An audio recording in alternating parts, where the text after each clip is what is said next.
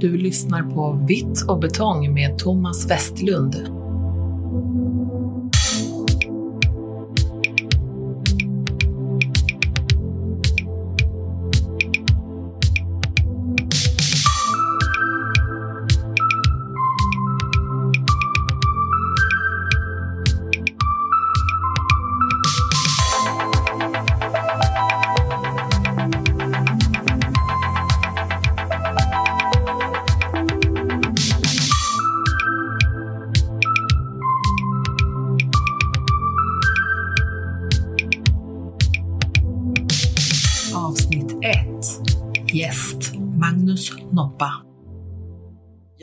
Skönt att vara liksom tillbaks i dalgången där man en gång lag en stor del av grunden för, sitt, för min passion för, eh, för snö.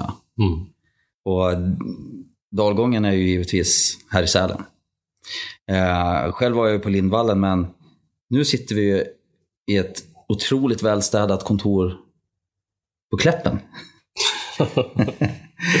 Eh, och inte hos eh, vem som helst, utan eh, mannen som många av oss ser hans eh, verk och alster ute i sociala medier. Allt, eh, härliga filmer som inspirerar och vill dra en till fjällen. Eh, man, märker, man, man märker liksom hur, hur känslan vill förmedlas av att komma till fjälls.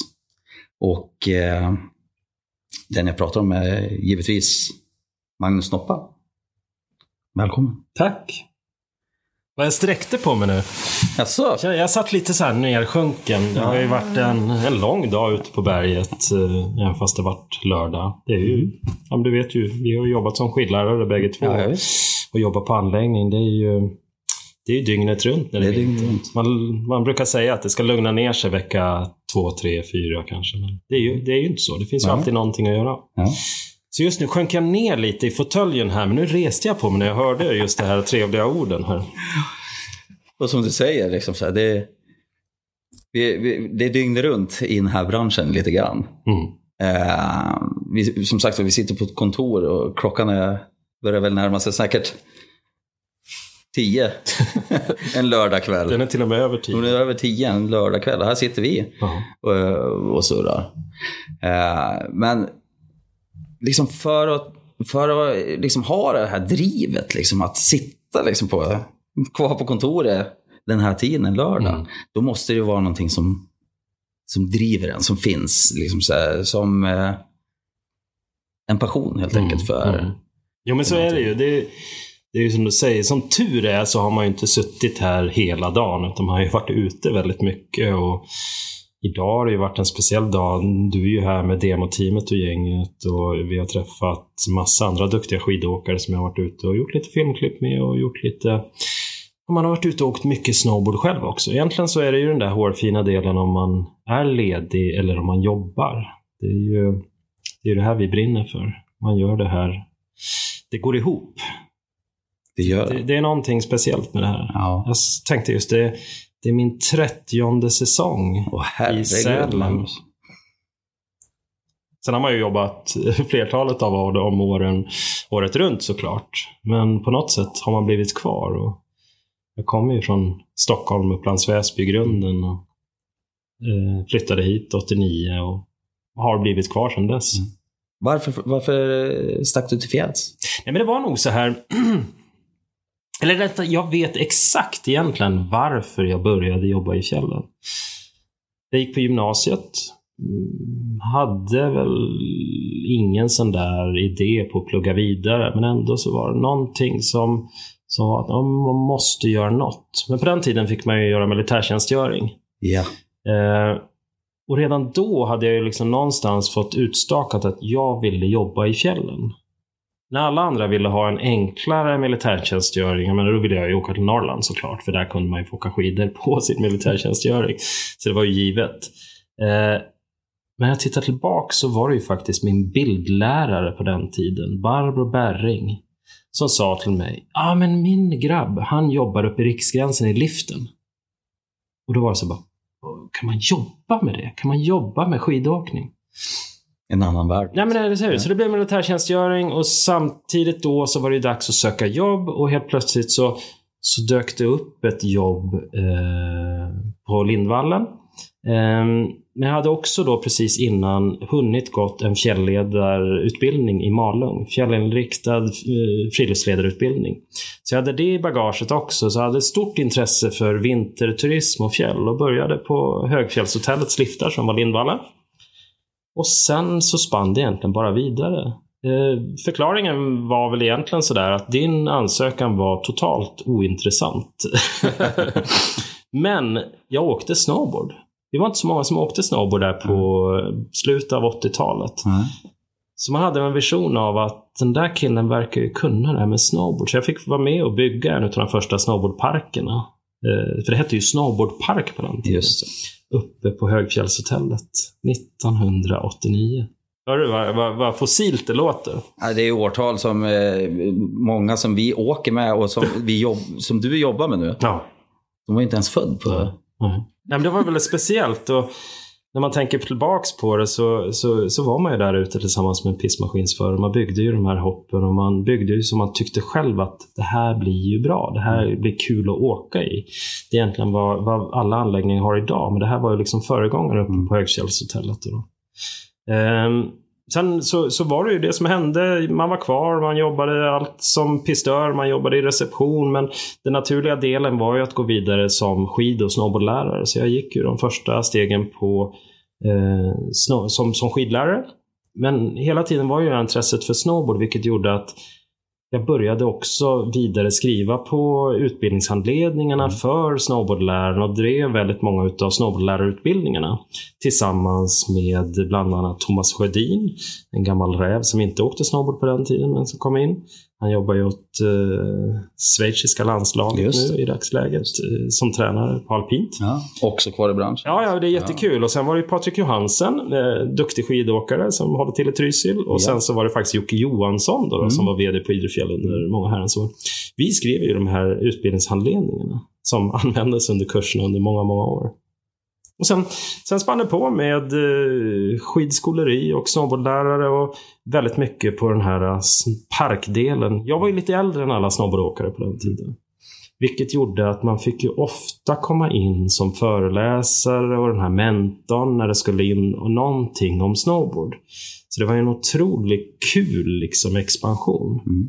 Och redan 94, alltså 1994, jag är ju kvar på 90-talet då, så började jag som tränare på Riksidrottsgymnasiet snowboard nere i Malung som är och var då ett riksidrottsgymnasium.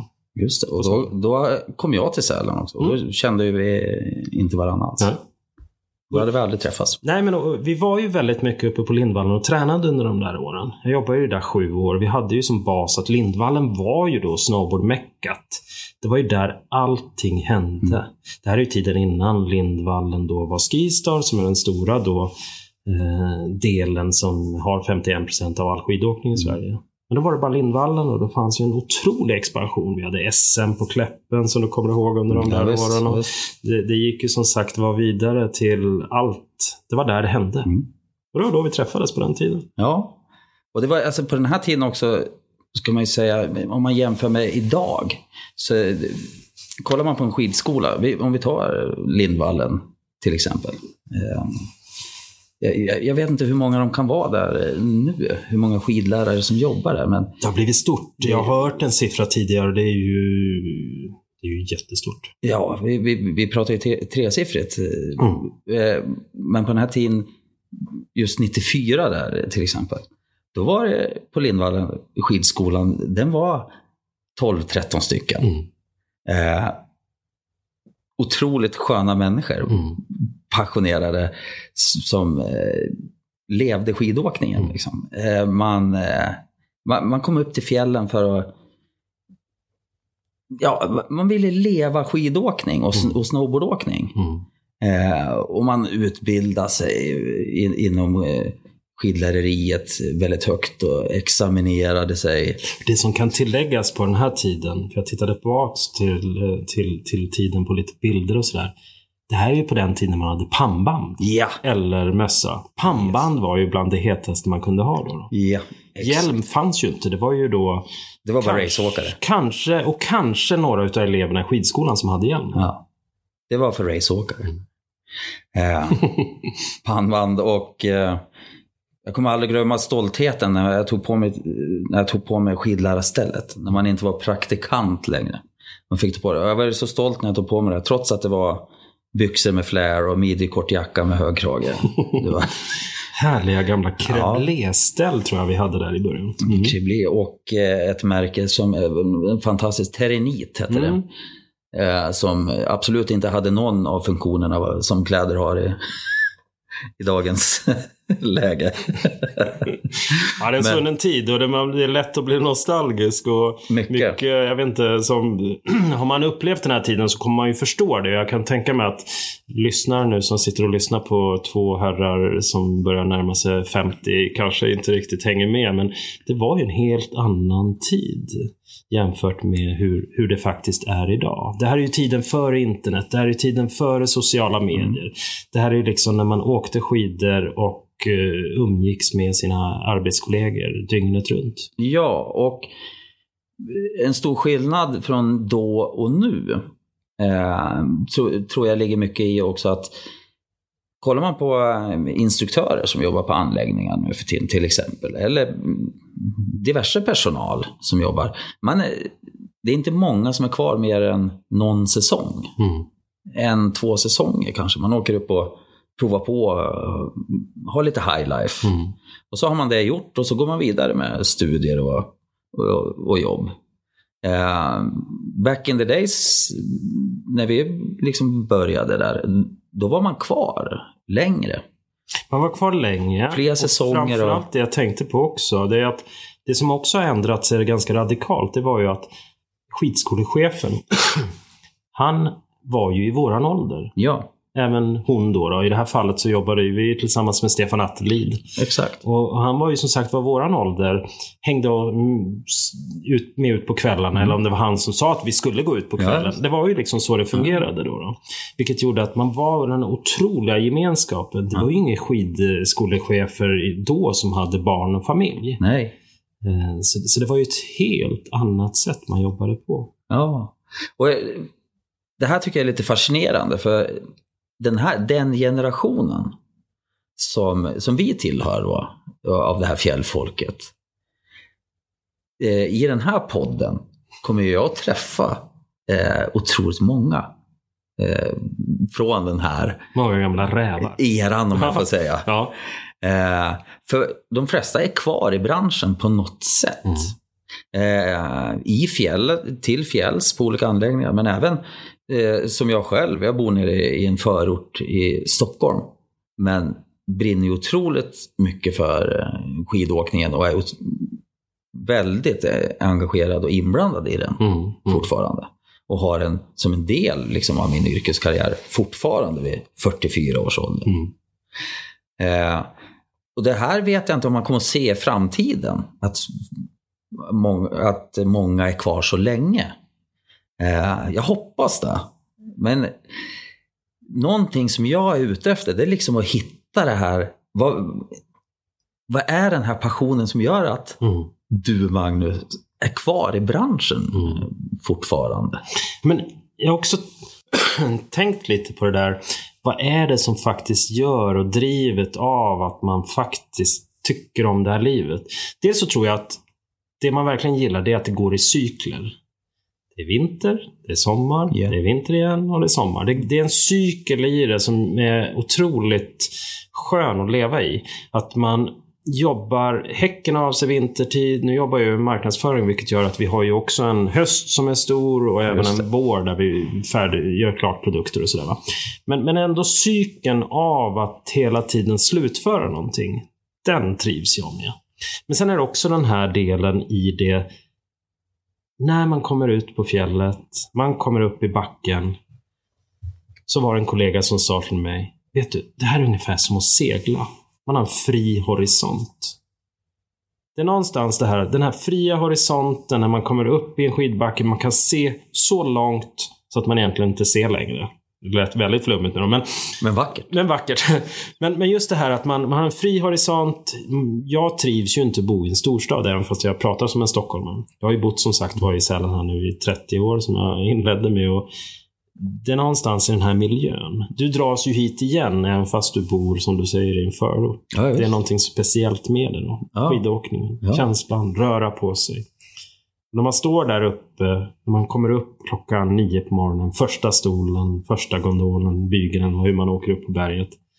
Man får en känslan att yes, nu är det jag som ska ta de första svängarna i den här manchesten. Det är ju lika bra varje dag när man gör det. Det är det. Och närheten liksom, så till natur. Man är själv med naturen lite grann. Mm. Jag kan ju tycka att även att gå ut på fjället är ju dock lika fantastiskt. Nu har jag blivit lite latare de senaste åren så jag kanske tycker det är roligare att ta skoten ut. Men ändå när jag stänger av skoten så är just det där att jag är ensam med naturen och du tar dig ut. Likadant när man åker upp och kanske åker en kvällsåkning eller man åker upp en tidig morgon. Man är där själv en liten stund. Det, det är någonting fantastiskt. Ja, men det är det. Och jag, jag hade själv ett eh, läckert, eh, eller en, en häftig upplevelse för ett par år sedan. Jag tog med skidorna i bilen. Jag jobbade på andra sidan stan i, i Stockholm. Så jag korsade igenom stan varje dag. Tog med mig skidorna, eh, pjäxorna, skidkläderna. Och så stannade jag till och körde lite kvällsåkning i Hammarbybacken. All right. Eh, upp och ganska själv, törs jag påstå. Eh, det är inte samma drag i, i, ba- i backen i, mitt i stan. Men kommer upp på toppen och just det här som du sa nyss. Eh, men, eh, när man pratar om den här horisonten, eh, liksom man känner att man är ett med naturen. Mm. Där står man i en skidbacke och har stan Mm. framför sig. Men det kan vara lika fascinerande det kan jag tänka mig. Jag, fantastiskt. Jag kände bara att otroligt. Jag, jag, jag kan bo i en stad. Jag kan bo här nere i betongen.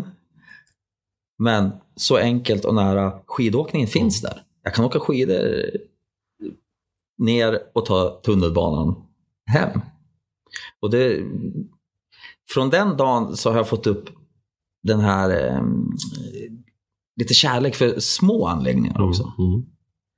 För de flesta tänker ju, när man tänker skidåkning så är det ju Sälen, Åre, Idre etc. etc.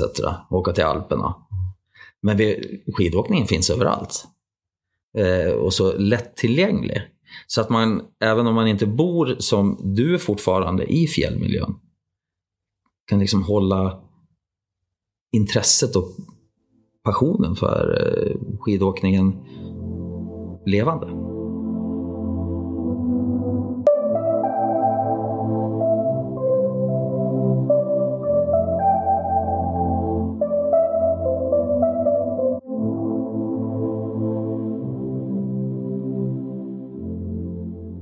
Fascinerande där. Mm.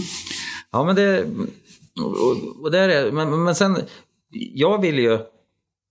Du, du har ju barn också. Mm. Eh, och jag har två barn själv. Eh, och jag har haft ett fantastiskt liv till fjälls. Eh, otroligt med upplevelser och liksom, en stor del av den personlighet man är har ju formats av livet till fjällen. Och det här vill man ju förmedla till sina barn. Du, jag tänkte precis, det är det här som kommer. Ja. Vi är ju den generationen. Ja. Jag är precis likadan. Man vill visa det man har upplevt själv med sina föräldrar. Det vill man visa för sina barn. Ja. Vi är ju den generationen, liksom slutet 60, början på 70-talet, som faktiskt lever i det här. Ja. Och det är ju inte lätt att, när man bor i stan, att eh, få barnen liksom så, att hitta det här skidintresset, Nej. kan man tycka. Men, och man vill ju inte tvinga på någonting. Eh, det går ju inte att tvinga på någon eh, ett intre- eller en passion för någonting. Jag kan inte gå och säga något, du, du ska älska att åka skidor eller åka snowboard. Mm. Men trots, trots det, så man försöker med sin eh, livsstil på något sätt smitta av sig på barnen. Och när de eh, anammar det här, som mina barn, de, de älskar att åka skidor. Mm. Det finns ju ingenting som gör, gör mig lyckligare. Nej, men visst är det fascinerande? Ja. Och jag vill, jag vill, jag vill gärna se liksom att mina barn någon gång får uppleva det här livet som jag har haft Mm. i fjällen. Jag vet inte hur du... Jo, men, vi, vi bor ju så nära skidåkningen. Mm. Jag bor ju alltså tre kilometer från Kläppen, vilket gör att man bor ju nästan på berget. Ja. Eh, och det blir ju, vi åker ju väldigt sällan iväg på skidsemester. Jag är ju jorden runt på olika aktiviteter och arrangemang och genom de åren när jag jobbade på Snowboardgymnasiet så var jag verkligen jorden runt eh, och åkte skidor. Men ändå så hamnar man hemma på Kläppen när man åker skidor. Mm. På det här berget där man känner kompisar. Jag kan ju åka hit vilken dag i veckan, när som helst så hittar jag alltid någon att åka med.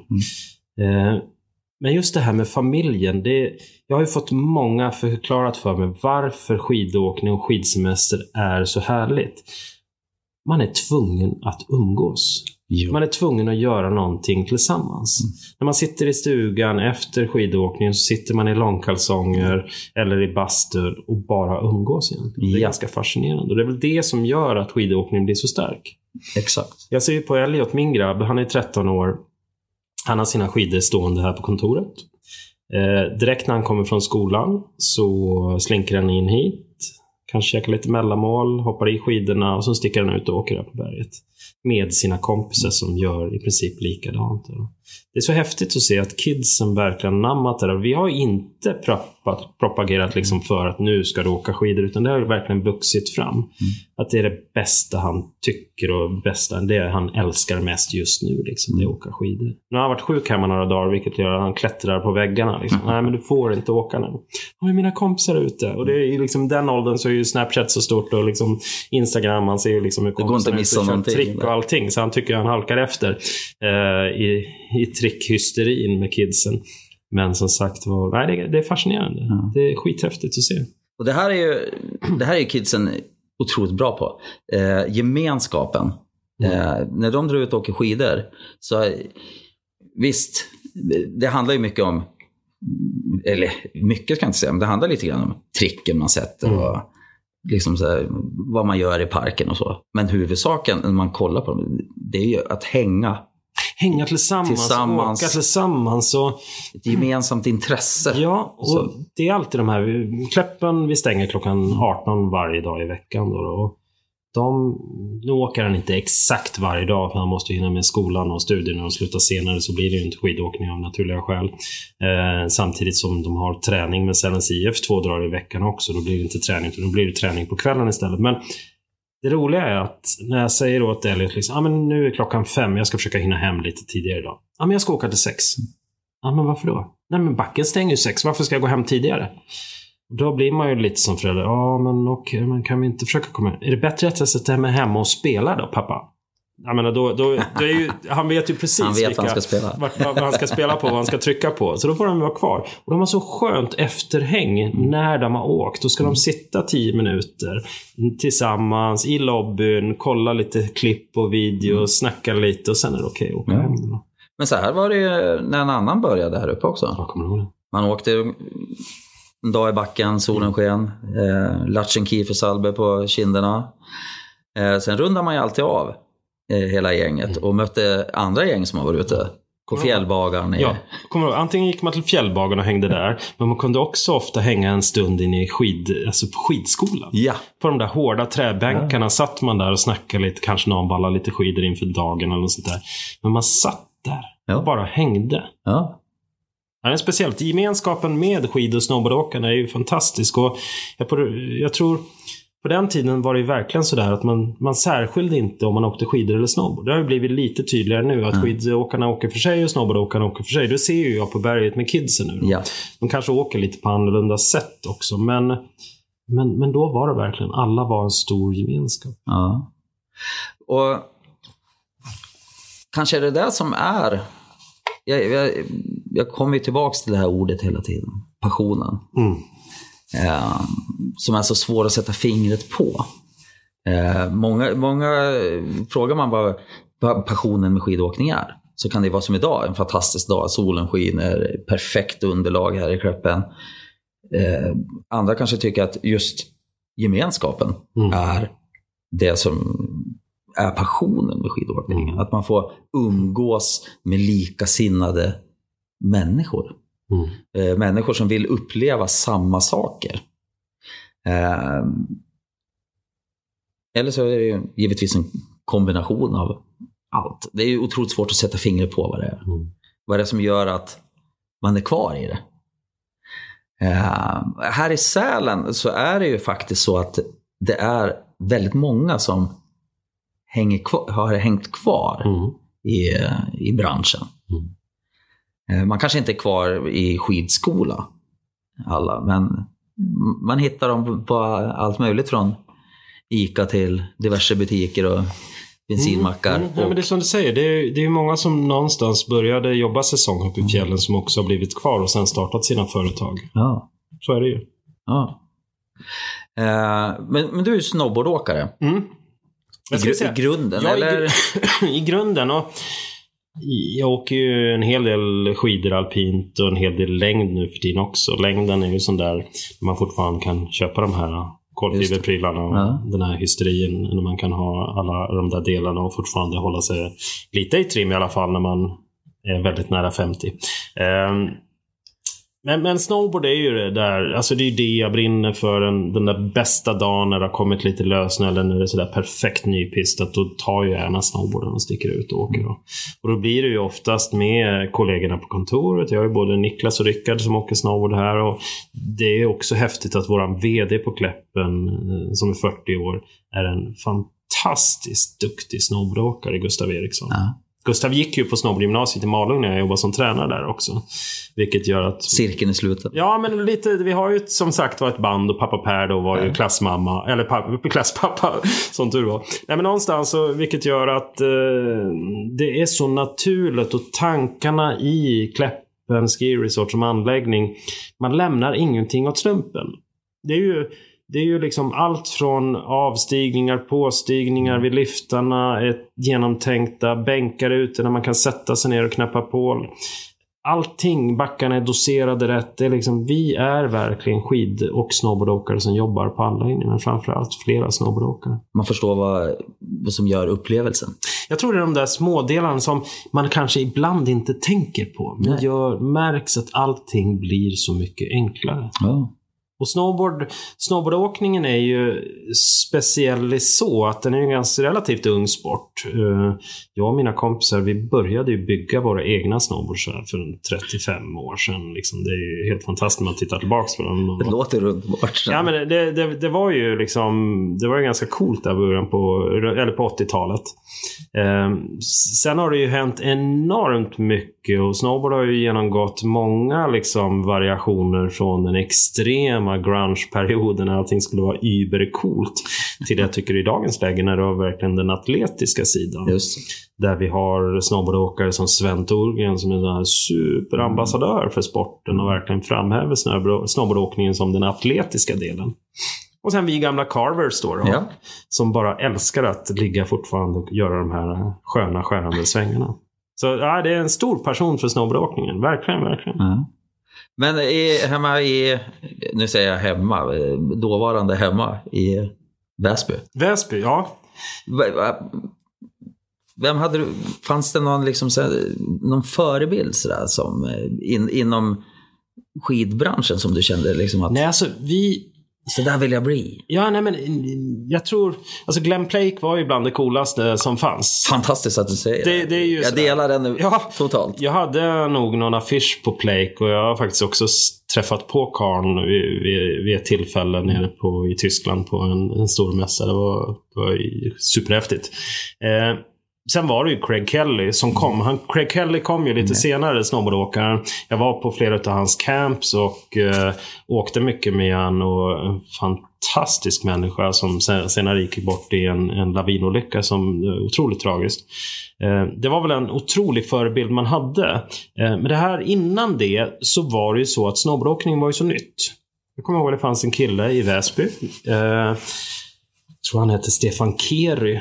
Duktig gammal skatare. Det är säkert någon som hajar till och säger ja, ah, just det, han ja. Eh, och sen var det en annan kille som hette Martin Korpi, också en gammal skatare. De här killarna fick tag, har jag för mig, i trucks. Alltså så här skidor och sätta trucks på sina skateboard, eh, på skateboard. Ja. Så man kunde åka i backen. Och det där såg ju lite spacigt ut. Eh, Efter det så insåg man att det var inte helt optimalt. Så vi började köra med Hammarplast klassiska gamla skiboard. Med en remmar som vi skruvade fast på den där brädan och körde. Men det höll ju inte för man åkte ju och hoppade med den där. Senare var det då att vi började bygga våra egna brädor själv. Vi hade ju sett det i amerikanska snowboardtidningar Ja. som vi fick tag på. Man åkte och köpte dem på pressstopp inne på gamla gallerian som det var. En sån här stor butik. Där de hade all världens magasin, pappersprint. Ni som är yngre som lyssnar på det, det var alltså gjort i papper med bilder, text. Nej, skämt åsido. Vi lägger ut bilder på det här Ja. på hemsidan sen. Och, och det var ju så här att där hittade man ju då snowboards och sen så min far hade ju på den tiden snickeri. Så han hjälpte oss då att basa och böja björkplyfaskivor och såga ut de här i former. Vi fick tag i belag och vi köpte stålkanter och skruvade på det här laminerade med glasfiberepoxy och sen så var det liksom snowboards. Sen stötte vi på några andra, Mattias Wiberg bland annat, eh, en otroligt duktig gammal eh, snowboardräv. Eh, som, som byggde brädor och faktiskt sålde. Plus att det var några andra. Och där någonstans tog det fart. Eh, till att det faktiskt blev det som i dagens läge. Jag kommer än ihåg att jag köpte min liksom, första snowboard på gamla Pub Sport i Stockholm. Som var den stora heta mm, sportbutiken för Ja. snowboards på den tiden. Men, men det var nog inte där att det var något tidigt några förebilder för skid och snowboardåkning. Utan man bara såg någonting som man fastnade vid. Jag åkte ju såklart eh, alpint skidor på den tiden också. Man var ju ute. Jag bodde ju bredvid en skidbacke. Det, det är ju svårt. Alltså i Upplands Väsby hade vi en skidbacke med lift, Hammarbybacken. Det var ju de här vintrarna som det var svårt med snö, men, men man lyckades köra det. Och sen gick väl liften sönder och man gick upp och åkte ner i den där backen ändå. Då. Ja. Och eh, vi åkte ju aldrig riktigt på skidsemester mer än en gång med familjen. Nej. Sen är min mor från Tornedalen, så mycket när vi var där uppe och hälsade på mormor och morfar, det också blev en skidbacke. Men det var inte primära att åka skidor, utan man var där och så började man åka skidor. Och jag var ganska liten när jag började åka skidor, kommer jag ihåg. Eh, för jag fick åka med de stora grabbarna i liften, för jag nådde ju aldrig upp till den här det. då. Ja. Men eh, ja, sen har det bara rullat på. Det är, det är lätt att bli nostalgisk när man tänker tillbaka på det. Men Det är skidåkningen det började med. Ja. Det, är, det är svårt att kolla tillbaks eh, vad som gjorde att man hamnade Ja. till fjälls. ja. För jag, jag har pratat med många om det här. Och man vet, många som har varit här i 10-20 år. Man, ja, jag vet inte riktigt. Mm. Jag bara hamnar här.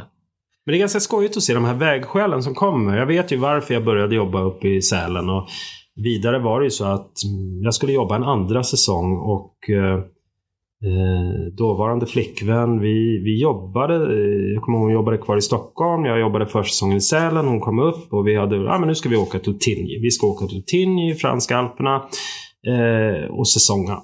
Pengarna fanns där, vi hade jobbat ihop alla pengarna. Och så var det någonting som sa att vi har det ganska bra här i Sälen, vi trivs här. Så vi köpte bil för pengarna istället. Då. Och på så sätt blev vi kvar. Och sen har det kommit olika vägskäl. Vägskälet där mellan skidskolan, snowboardgymnasiet var så naturligt. Och sen kom det ett vägskäl vidare när jag började jobba med internet och de delarna under ett år under ett norskt bolag. Och sen vidare då när det blev Kläpp Kläppen där jag jobbar nu. Och det har kommit de här tydliga vägskälen när de har tagit. Och det är många säkert som har det i sitt liv. Men mina vägskäl har alltid kretsat runt skidåkningen. Och jag är glad för Ja. när man har byggt på sig den erfarenhet man har. Och kan lätt i den kommunikationen som, som jag delar både på nätet, i, i mitt jobb på Kläppen Ski Resort, men också i den marknadsföring vi jobbar med på Kläppen, att vi förstår gästen och vi har levt hela processen och man har ganska bra förståelse för hur saker och ting fungerar på en skidanläggning.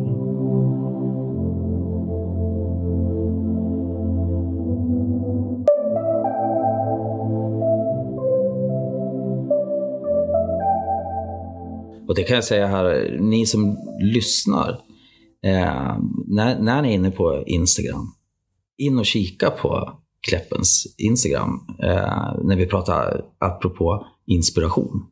Eh, bildflödet där är, som, som du ligger bakom eh, är ju fantastiskt inspirerande. Ja, vad kul du säger. Och Man, man, för, man förstår att du älskar jobbet eh, och älskar miljön. För den, den förmedlas ju på ett fantastiskt sätt. Ja, men vad kul att säga det. Och jag har väl aldrig varit den här superduktiga fotografen, men jag tror att det vi förmedlar är den här sanna, ärliga känslan och så här ser det ut just nu. Sen så försöker man ju alltid hitta det där perfekta ljus och skruva på bilderna så de blir riktigt snygga. Men det är verkligen den ärliga bilden. Mm. Sen tar vi såklart alltid in eh, duktiga fotografer som hjälper oss med olika bilder och sådär. Men just det vi förmedlar på Instagram är, är nog mycket känsla att det här händer nu. Man ser det mycket i kommentarsflödet också hos gästerna som, som läser det. Mm. Att, att de gillar det, att det är väldigt aktuellt. Men den här ärliga känslan som du eh, beskriver. Det är väl mycket den eh, som håller en kvar i fjällen också. För det är ju inte de här katalogbilderna som eh, lockar alla till fjällen. Glada barn och snö. Som Glada barn, blå himmel, mm. snö, mm. kall öl och eh, allting är fantastiskt. Mm. Eh, verkligheten ser ju ibland ut lite annorlunda på ett fjäll. Det, det, kan ju vara extremt myggfritt med mm. 15 sekundmeter och mm. Grov dimma. Mm. Men ändå så ser man de här skid och snowboardåkarna som verkligen brinner för det här. Man är ute i ur och skur. Mm.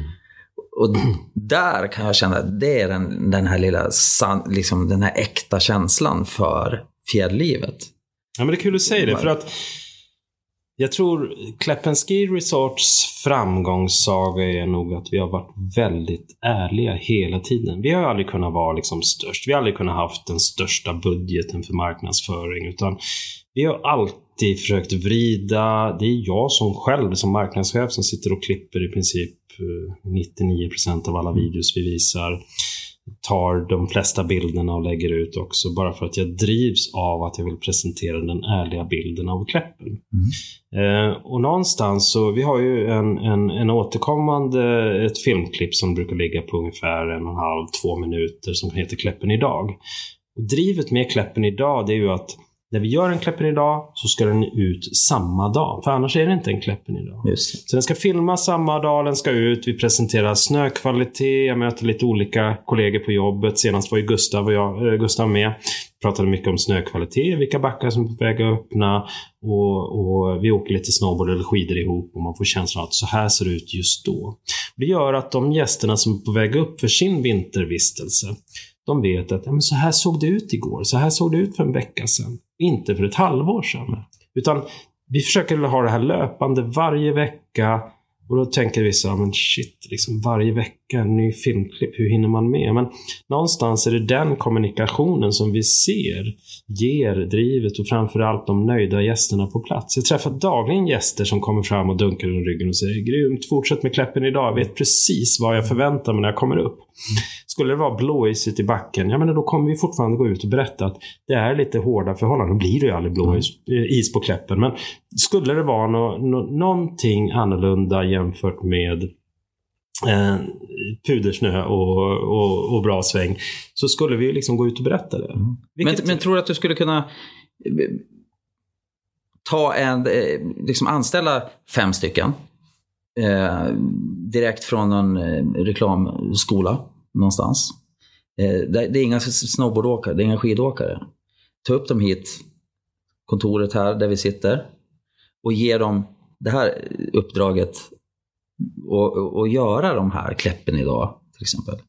Tror att det skulle kunna bli samma resultat som, eller som när, när du och Gustav liksom brinner för det här och tror, lever i det. Nej, och det är ju det här, liksom, vi har ju levt den här personen hela vårt liv. Vi mm. förmedlar nog det som, som gästen verkligen vill veta. Ingen påplastad yta, Nej. utan vi åker på samma snö som våra gäster gör och vi försöker förmedla den känslan. Um, det kan ju lätt bli lite reklamigt om man skulle stoppa in en reklambyrå som skulle göra mm. allt jobb och det blir lite skevt och snett och vinklat jag tror det är ärligheten som lever längst. Liksom. Mm. Och det roliga när man tittar tillbaks på varför vi faktiskt har börjat göra de här videoklippen. Det är ju innan liksom internet fanns i princip och innan liksom allting kom till. Det var liksom för att försöka förmedla hur ser det ut nu. Vi hade ju några snöfattiga vintrar, kommer jag ihåg, där början på 2000. Där vi liksom kämpade med att berätta hur det fanns, eller hur det såg ut. Och jag kommer inte riktigt ihåg hur vi fick ut de här videoklippen. Det var ju faktiskt på den här internet fanns då. då men, men hur vi fick ut Vi hade lite videoplattformar som vi fick tag i och kunde få ut de här klippen. För vi, vi var katastrofalt dåliga på att skriva och förmedla känslan. Vi hann inte ta bilder utan det var videoklippen som funkade. Helt oredigerat, direkt från mobiltelefonen rakt ut på internet. Liksom. Sen har det verkligen förfinats lite mer.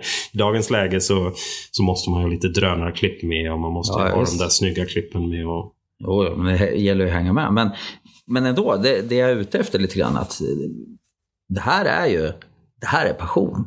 ja men det är det ju. Det är, Ni, ni brinner ju för det här, att förmedla känslan.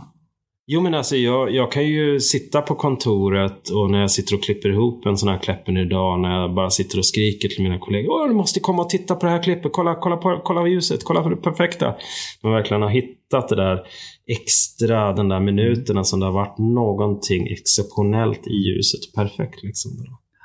Det är kul att kunna förmedla det och när gästerna eh, får känslan när de väl kommer upp hit och märker att det här är ju på riktigt. Det här är så som vi har sett det på filmerna.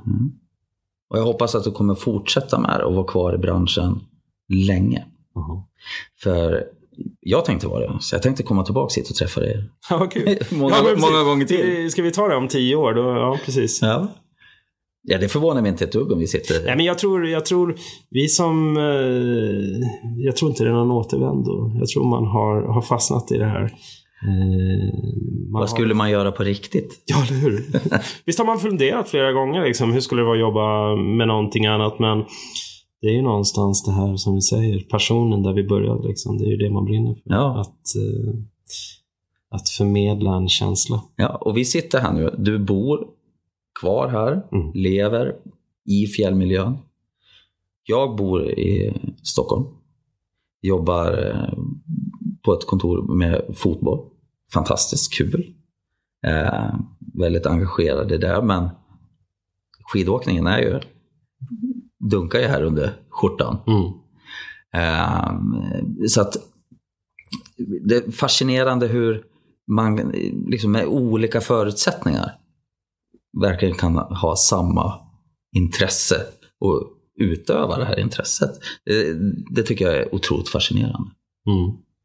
Och det, vi, skulle, vi skulle kunna sitta och grotta i vad som gör att vi är kvar i det här. Jag menar alltså, Hur länge som vi, helst. Hade vi fått ett par öl till så hade det kunnat bli hur lång podd som helst. Det skulle kunna bli Maratonpodden. Ja, men vi ska runda av lite grann och liksom, ja, se framåt eh, mot 10, 15, 20 mer år i, Ja. i branschen. Nu Och hoppas att fler får chansen att leva det här livet som vi har gjort. Mm. Nej, men då, jag tror ju, många tycker, många säger ju till mig också Noppa, du måste ju ha världens bästa jobb. Eh, bitvis så tror jag det. Ja. De ser dock nog aldrig det här hårda slitet bakom det, utan de ser ju att jag är ute och åker skidor eller snowboard och så delar jag några bilder och klipp. Men bakom de här två minuterna så ligger det ju minst fem timmars jobb. Och det är ju bra många timmar framför datorn när man ska trimma, klippa. För det ska ju inte bara ut på en plattform, utan det ska ju ut på, ut på YouTube och det ska ut på Instagram och det ska ut på Facebook och det ska ut på Instagram stories. Så det, ska, det är ju mycket jobb bakom att faktiskt få ut det här klippet. Och jag tror många tackar dig för det. För när man sitter i, i stan någonstans i Sverige så är det ju en liten escape att få scrolla in på flödet och sätta sig in i, i, värld, i fjällvärlden. Mm. Och det man går igång som, som skapare utav sånt här material, det är ju när man får likesen och man får kommentaren och man får... Det är ungefär, jag, alltså, jag älskade att slöjda förr. Jag gick på, när jag gick på fjällädarlinjen på folkhögskolan höll jag på mycket med knivslöjd. Ungefär samma känsla där, att man hela tiden skapar någonting. Och någonting, skapandet fortsätter just i de här videoklipp man gör. Man känner och man ser att folk gillar och man får uppskattning. Det är man lite sån like junkie. Det är 2019. Det är vi alla lite grann. Men eh, fantastiskt. Vad kul, eh, kul att sitta här och snacka. Kul. Ja, jättespännande. Och det, det, jag vet du frågade mig och det, jag sa ju ja direkt. Mm. Uh, varför jag sa ja direkt är för att jag har ju funderat mycket själv på det här med poddandet. Mm. Jag tycker det är jätteintressant. Och jag lyssnar ju väldigt mycket på pods. Läser väldigt sällan mm. böcker. Jag lyssnar på um, mycket ljudböcker men också mycket pods. Mm. Och har fastnat i det här intressanta som folk sitter och diskuterar mm. i pods.